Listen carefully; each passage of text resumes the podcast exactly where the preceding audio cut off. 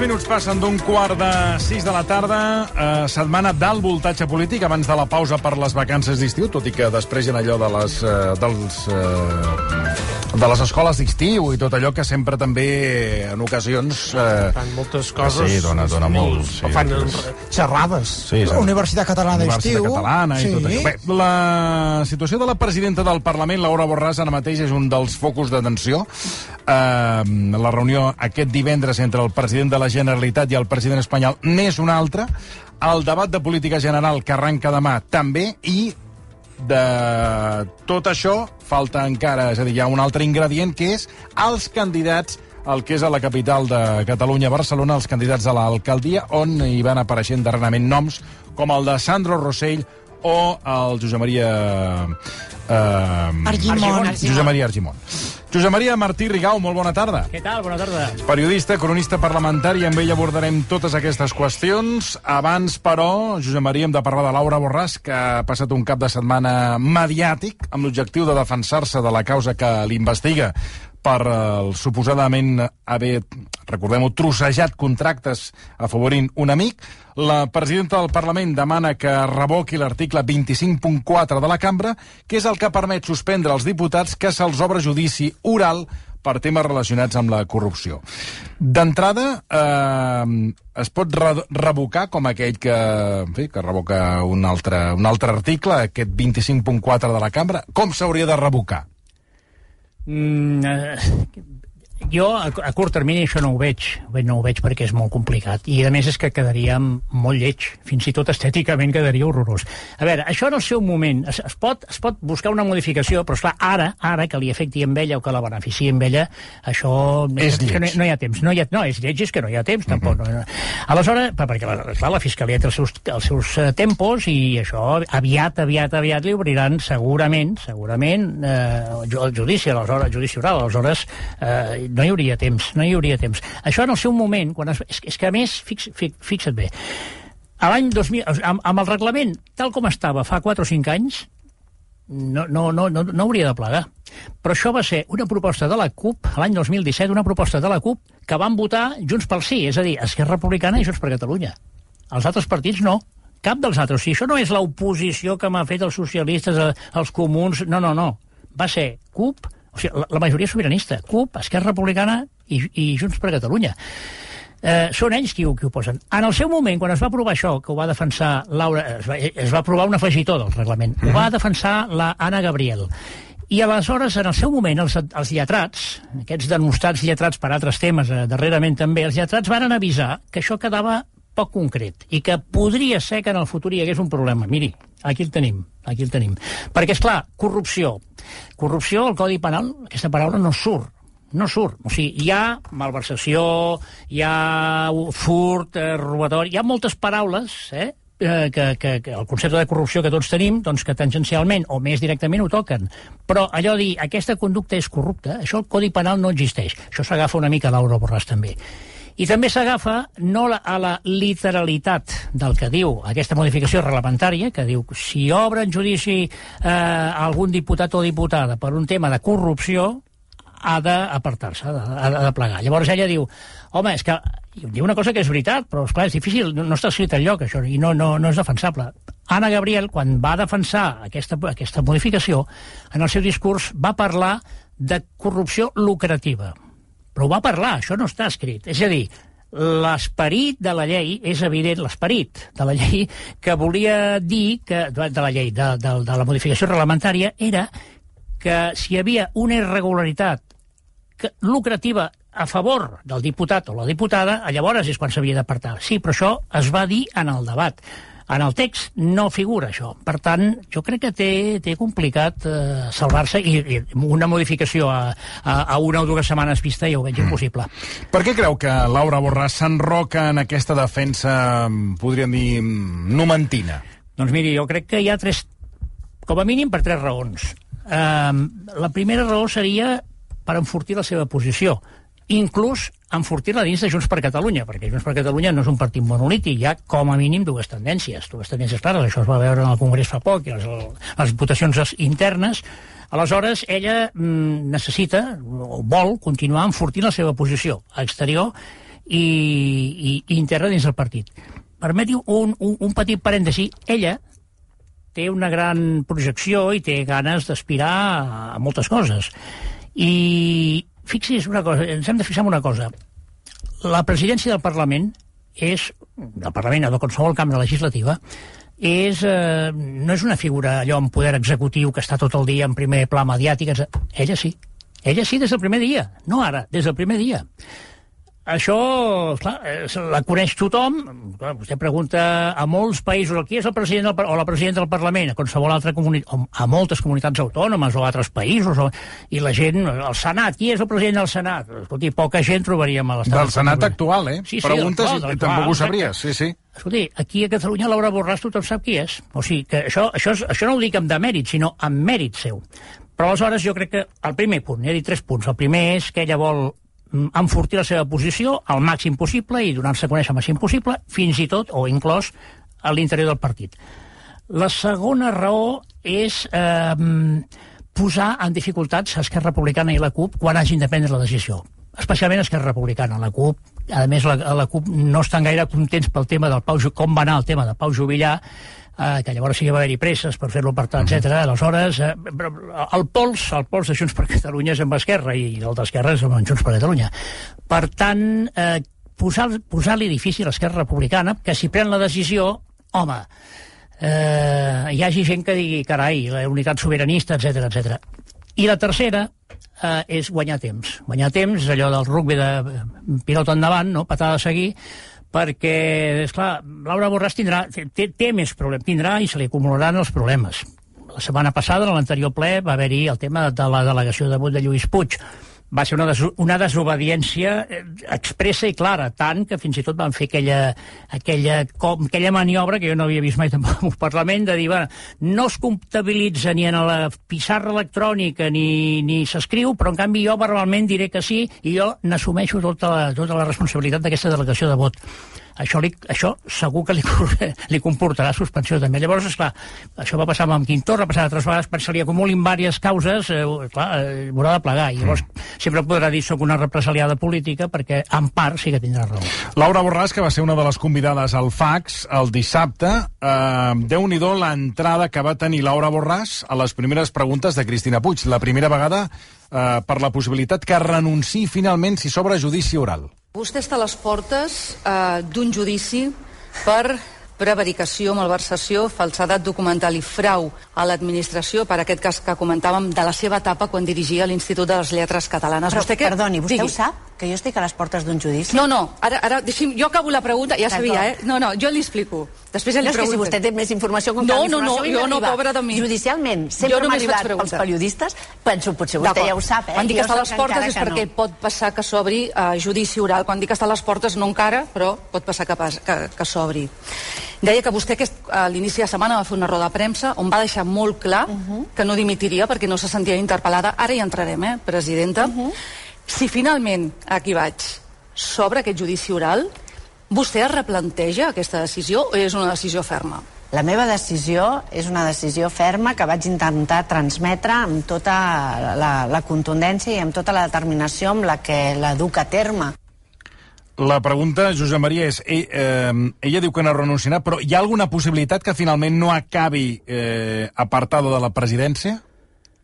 Només hi ha una possibilitat, apartada indefinidament, eh, sí, hi ha una possibilitat. Ara, apartada puntualment, jo crec que ho té molt difícil. Eh, li, li, jo crec que ella també ho sap que ho té molt difícil. Miri, l'única possibilitat que es pot obrir, l'ha apuntat, a més, la, la va apuntar a la sessió de control el mateix president Pere Aragonès, mm eh, que va dir, en el, quan parlo de memòria, però més o menys era Eh, avui ha tornat a parlar, però el que va dir dimecres... Ara l'escoltarem. Sí, el que va dir dimecres, que era preludi del que ha dit avui, era eh, quan arribi el moment tothom haurà de prendre la determinació que sigui millor pel bon funcionament i per la, pel bon govern de, de, de, de la institució parlamentària i avui ho ha, ho ha continuat. Això què vol dir? Doncs, home, per no per, entre, entre, entre paraules es veu, eh, per no perjudicar el Parlament, tothom haurà de ser prou responsable com per no fer-li un mal, un mal superior. És a dir, hauria de fer un pas al costat. La fórmula que, que Esquerra bueno, defensa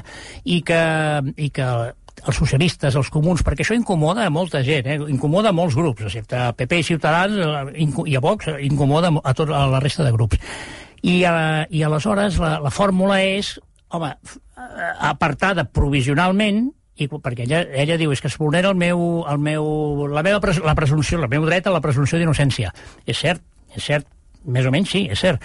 Aleshores s'aparta, se la substitueix provisionalment i quan hi hagi el judici si és exonerada, si és, torna i torna com a presidenta. Aquesta és l'única fórmula que podria haver, però ella ara per ara sembla no massa disposada. A l'entrevista del FAX, eh, Laura Borràs, la presidenta del Parlament, va fer palès que no estava gens còmoda. Jo em pensava que venia una entrevista, no uh, ni a un jo crec que interrogatori, una ni, a no. una, ni a un judici previ. Però en qualsevol cas... Jo no crec, hagut presidenta, que li haguem fet un judici previ, ni molt menys. Eh? Hem, hem exposat sèrie... el cas per, perquè, perquè s'expliqués a la gent que era el cas que com afectava que hi ha hagut aquest tot tema. Una déu nhi Bé, eh? diria, no, diria moltes coses, però de sí. moment m'hi abstindré. Uh... No és habitual, perdona, eh? però no sé, jo, jo, a mi m'ha sorprendre molt quan ho vaig veure, perquè mm, jo no l'havia vist mai tan, tan crispada o tan... A més... Bueno, si vas, si vas, a, si vas a un programa de televisió, Clar. doncs... Eh, i, i un programa que es diu Fax... Que fan preguntes. Que fan preguntes, doncs amb ella no T'has de sotmetre les preguntes. Si no t'agraden les preguntes, digues, aquesta pregunta no li vull contestar. Sí. I perquè, clar, a l'estil d'entrevistes eh, interrogatori, això, comparades amb les de la Puig, posem a, a les entrevistes que se feia Mònica Terribas, que allò sí que era... Allò, aquelles sí que eren entrevistes... I si no contestava, que, eh, si sigui, no contestaves, tornava a preguntar. Ah, exacte, sí. o sigui, les entrevistes de, de Mònica Terribas, aquelles sí que eren, eh, que arribaven, o sigui, llindaven, no l'interrogatori, però eren eh, exhaustives i eren eh, extenuants per l'entrevistat. Vull dir que, clar, no veig que Laura Borràs poc l'han apretat a, jo vaig tenir, a, alguns periodistes. Vaig tenir la impressió que el que la molestava, perquè un moment que la càmera mm. la va enfocar, el que la molestava molt va ser l'informe que van fer allà, amb, que, que amb una pantalla, clar, la visualització sempre és molt dura, i amb una pantalla sortien allò en fletxes molt bé, amb una mm postproducció molt ben feta, esclar, es veia moltes ramificacions, moltes irregularitats, i jo tinc la impressió que això és el... perquè les preguntes de la Cris no... no per això no ho dic, però clar, sempre paga, aquí sempre paga sí, sí, justos per pagadors, no? Eh, que és, eh, en aquest cas, qui dona la cara, que és la presentadora, recordem-ho, no directora de, del programa Cris Puig.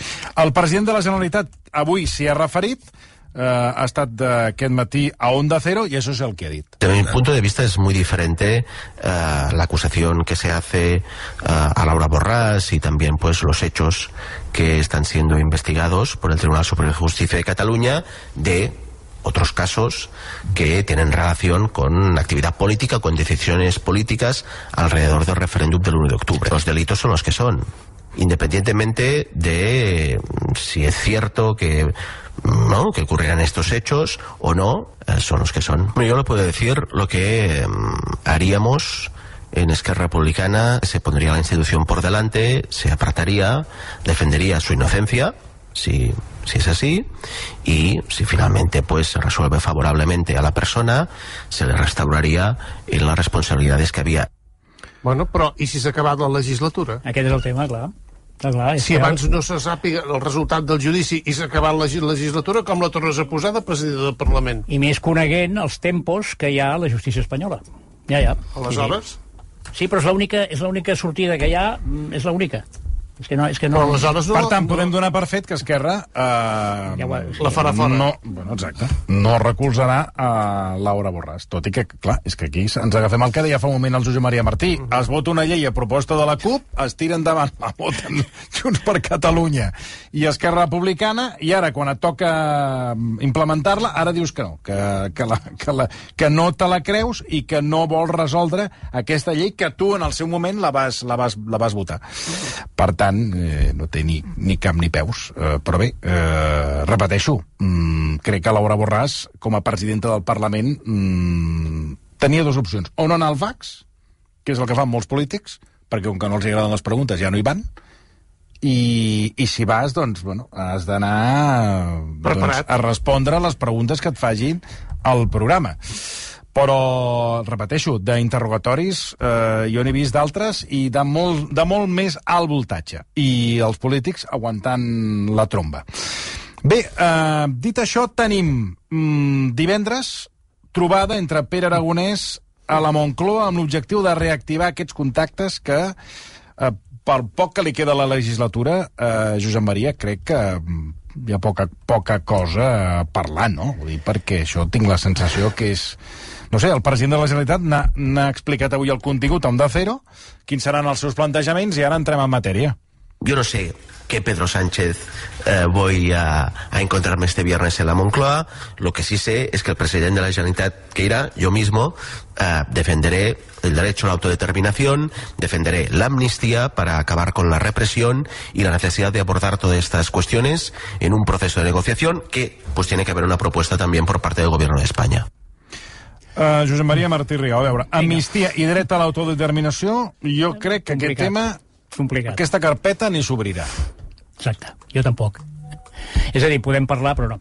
Miri, aquesta, aquest, aquest, aquest tema l'està per anar ras i curt. Aquest tema l'està portant, em diuen, Oriol Junqueras, ho està preparant Oriol Junqueras, que és el que mm. defensa i manté, perquè, és clar, com més inacció, com més inactivitat, com menys productivitat tinguin eh, la taula de, de, de, negociació que la de taula del diàleg, que fins ara ha tingut poca, no? la veritat, mm. a nivell tècnic, doncs, eh, esclar, això, això més afavoreix, per exemple, la, la, la, la línia política de Junts per Catalunya o de la, o de la CUP, que mai han, que no s'ho han cregut des del primer dia, i també són sobiranistes.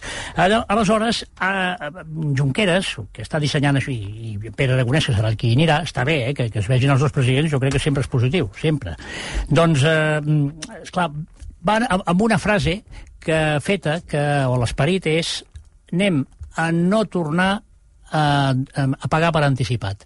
Perquè, és clar, s'han cansat una mica Esquerra Republicana de salvar votacions a Madrid. Ara ja hi ha hagut alguna, alguna disparitat, com hem vist, i ha patit una mica el PSOE en alguna votació recent. Però, esclar, allò ja que comptin, que, que el PSOE, a- al Congrés dels Diputats, ja comptin amb els vots d'Esquerra Republicana i que després mm, no hi hagi una contra, contrapartida clara. O sigui, anem una mica a veure, la filosofia del, dels, de, de, del Jordi Pujol i de la Convergència Històrica, no? de, del peix al cova. O sigui, donar, donar crèdit, mm, jo sí, et salvo, ja, ja ho trobarem, sí, però ho trobarem és que no ho trobem mai. I en aquesta, aquesta cartera de, de sol·licituds, amnistia no, dret a decidir mm, més endavant ja veurem què fem, però ara no, jo també estic en aquesta línia, i llavors queda un tema que aquest jo crec que serà el que incidiran més i intentaran incidir més. Uh, el titular seria amb gairebé 4.000 encausats a dia d'avui a Catalunya com a conseqüència del procés, uh -huh. temes del procés, home, no, hi, no, no es pot establir un, un, un diàleg fluid i formal. En conseqüència, Esquerra Republicana, o el govern de Catalunya, la part d'Esquerra Republicana, demanarà mm, avançar en la desjudicialització. Com ho pot fer? Com ho pot fer el govern espanyol? Home, eh, donant instruccions, hi ha, hi ha diverses fórmules, ja veurem a, a què arriben. Una, una fórmula clara és doncs, que, que, que la Fiscalia, que depèn, en definitiva, depèn del Ministeri de Justícia. La Fiscalia, algunes sol·licituds, algunes acusacions a determinades persones de malversació, que, per exemple, comporta penes de presó, mm, moltes vegades, eh, en fi, es, es podia afinar una mica, com deia el ministre aquell, Fernández Díaz l'advocacia de l'Estat, això ja ho vam veure en el, en el procés també, que va fer un, un pas enrere i per dulcificar una mica la situació. I després una cosa, hi ha el tema, hi ha el tema del, dels exiliats també, hi ha una cosa que, que això es va avançar molt en un moment, es va aparcar la carpeta i ara s'intentarà tornar-lo a revifar. Què és? El canvi, el canvi normatiu del Codi Penal. Això, a més, és una cosa que s'ha vist, s'ha vist en les Però això també el ministre Bolaños va dir que, que no. el que, ministre Bolaños va dir que no, que no va, va dir que no hi havia majoria. Home, eh, bueno, s'ha d'intentar... És, és que això, aquesta, aquesta carpeta fa dos anys, havia d'estar pel Nadal, ho va dir, ho va dir el ministre Campo, el de Justícia. Eso antes de final de any estarà, es- es- estarà llest, perquè a més és una cosa que és fàcil, fàcilment, entre cometes, mm -hmm. defensable, perquè cada vegada que s'ha, eh, el- el- els jutges del Suprem han demanat eh, eh, interlocutòries i han demanat l'extradició a la, de, de, dels exiliats, no, de l'exili, de Puigdemont i companyia, a Alemanya, a França, a Itàlia, a Bèlgica, a Suïssa, a Escòcia, mm, sempre s'han trobat amb el mateix. Eh, Això no va ser una, una, ni una rebel·lió ni una sedició, això està exagerat i les penes no són, um, del que va passar aquí, no són homologables a la justícia Sí, sí, però, europea. però torno a repetir, de la sedició, el ministre Bolaño va dir que tampoc en parlarien, per tant, per això dic que la carpeta Però queda minsa. A tot això, disculpi, eh, perquè Carlos Alsina li ha recordat eh, tot un seguit de condicions que va posar Esquerra Republicana per tornar a parlar amb el govern espanyol i diguem que la meitat hi ha algunes coses que no, no s'han complert. Cuando usted anunció la congelación de relaciones entre el gobierno de Cataluña y el gobierno de España, eh, recuerdo que usted estableció tres condiciones para que se reanudasen las relaciones, que eran que el gobierno central asumiera responsabilidades políticas por el espionaje al que usted fue eh, sometido con Pegasus, que se creara una comisión de investigación parlamentaria, no una investigación del propio CNI, y que se desclasificaran los avales judiciales para esos espionajes. No se ha cumplido ninguna de las tres. Es una agua pasada, ya no. Bueno, no son agua pasada, porque nosotros vamos a seguir luchando para garantizar que la vulneración de derechos fundamentales que hemos sufrido, pues tenga, bueno, provoque las responsabilidades que, que se deben asumir, ¿no? La misma, yo mismo la semana pasada presenté una querella en un juzgado de Barcelona y por lo tanto la asunción de responsabilidades que políticamente no se ha querido o no se ha estimado oportuno por parte del gobierno que se pudiera afrontar, pues se va a tener que afrontar por la vía judicial. És a dir, que a la pregunta Sí, molt sí. pertinent d'Alsina, Molt, molt, sí, sí. O sigui, tot un seguit de condicions, no se'n no se'n dona cap i reprens el diàleg. No, no, que està molt bé parlar, eh? però amb això crec que Alsina apunta aquesta qüestió que crec que és interessant. A més a més, son, sona, sona una mica de- depriment, entre cometes. Perdona, i abans deies lo del peix al cova, Sí. val, però eh, agradarà o no el que diré, perquè ara un punt que tant se me'n dona, però eh, almenys el Pujol portava, Portava el peix. peix. Portava peix.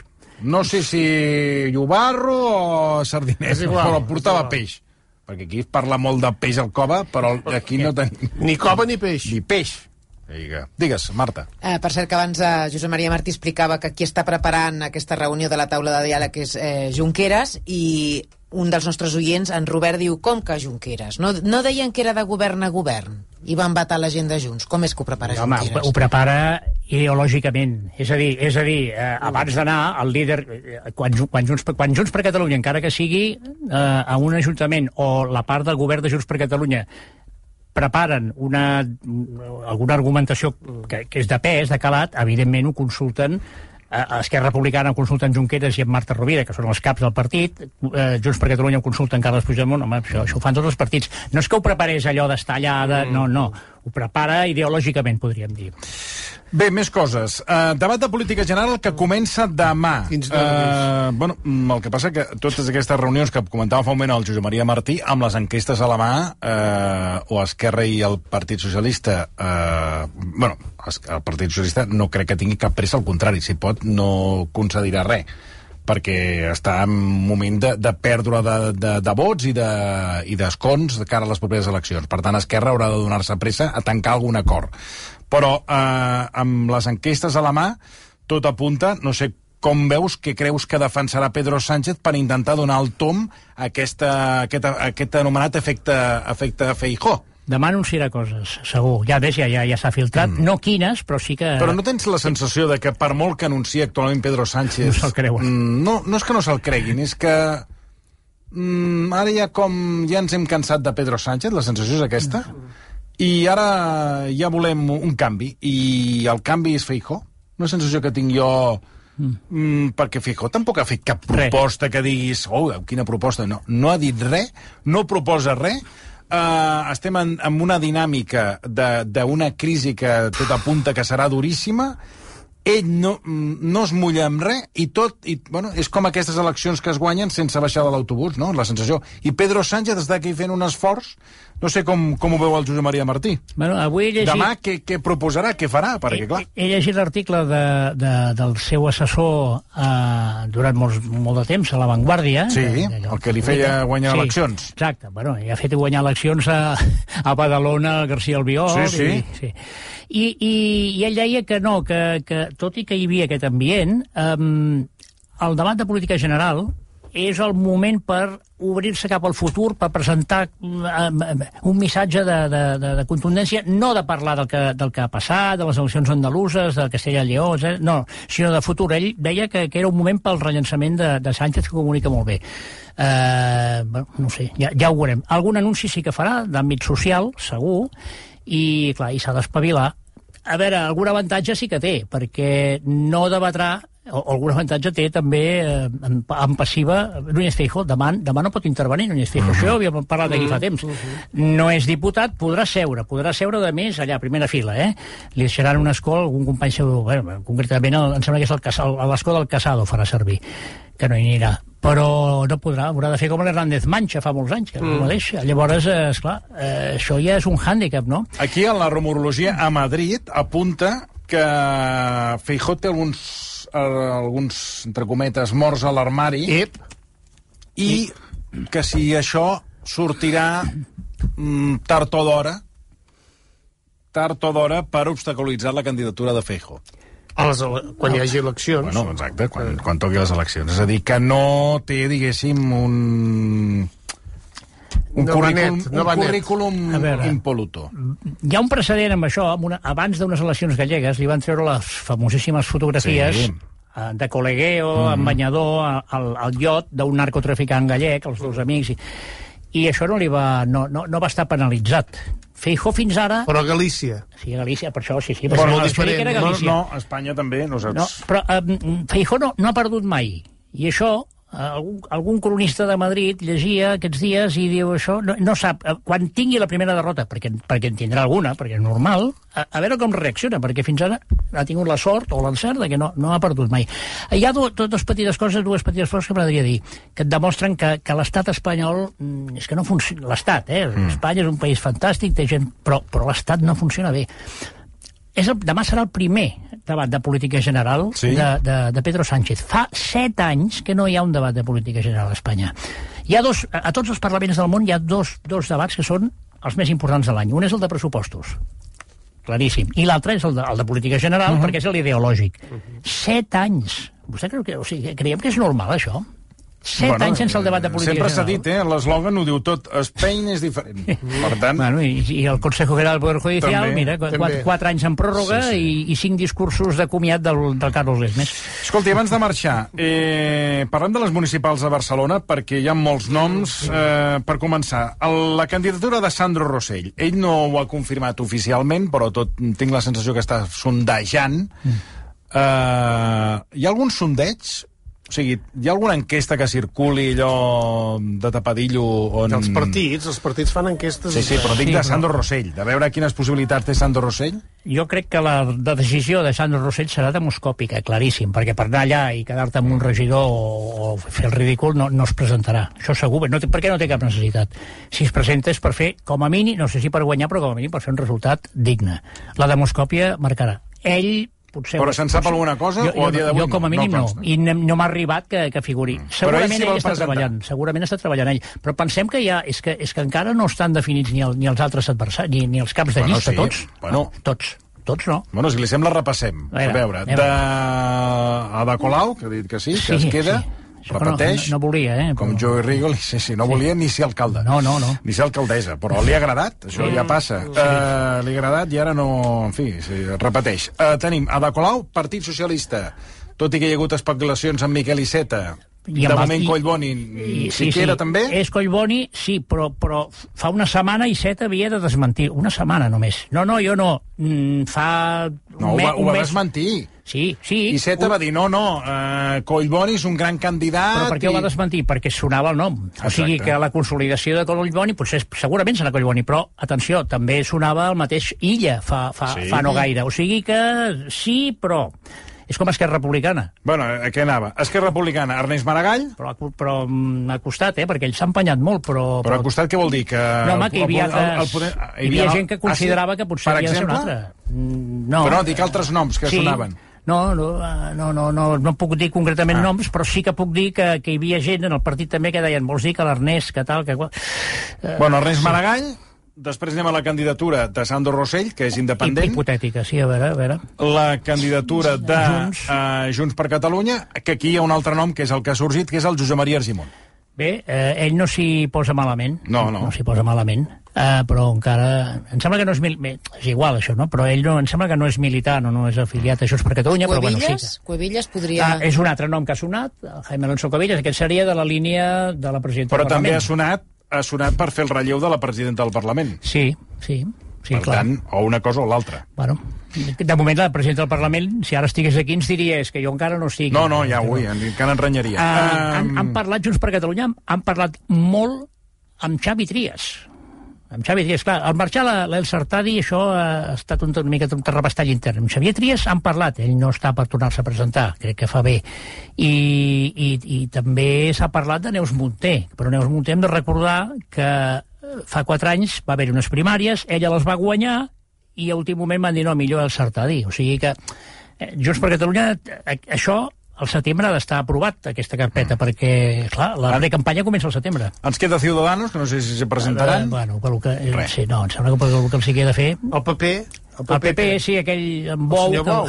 va, bueno, va, va dir que el- cremava... El, el, també parlava de no volen presentar bous, sinó volen presentar un altre candidat, no? Sí, bé, la, Però tampoc està clar. Dolors Montserrat sonava. Sí. Dolors Ah, sí, Montserrat. sí. Però lo de en Bou va intentar aquella maniobra, dic, dic, va intentar perquè la, la, la Guàrdia Urbana i els Mossos d'Esquadra van dir que l'incendi del seu cotxe va ser Mm. purament un, un, un fallo mecànic. Per això, per això ho dic amb aquesta contundència. I ell va dir, mireu el que m'ha passat, va penjar van córrer de Ciudadanos, de, de, de, de la Inés Arrimadas, sigui, líders de Ciutadans de Madrid, de, de, de Vox i tal, una víctima del sobiranisme, i després resulta que se li va cremar el cotxe per Sí, un, però ara no veig una Inés, bugia Inés. Arrimadas, no la veig fent un tuit dient que No. va ser un problema elèctric del, No, del, del, no, del això cotxe. no, això no, ni però- Carrizosa, ni tots, ni tots no, però aquests. aquests realment sí que això... Bueno, és la política tòxica en la que, la, en la que estem. En comptes de la política constructiva, la política de, de mirar pel bé comú, no, és la política tòxica, la de, en aquest cas, fer mal al contrari. I a l'Ajuntament ens queda encara... Eh, eh, el que Recordo que Bou, Eva Parera, recordo que Bou va posar, entre, va posar eh, en entredit l, la, el, el primer informe dels Mossos. Sí, No se'l sí, va sí. creure. Ni a l'informe dels Mossos, ni el de la Guàrdia de la Urbana. Guàrdia Un Urbana. polític, un senyor que està de regidor a l'Ajuntament de Barcelona. Sí, Eh? Un sí. senyor que, està, que Sí, posa sí, en sí. entredit perquè diu, no, no, no me'ls crec. Sí, sí. Aquesta és la credibilitat del senyor Ah, que representa a l'Ajuntament de Barcelona?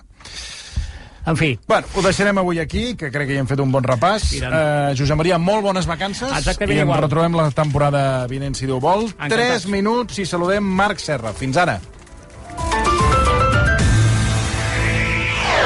Versió RAC 1.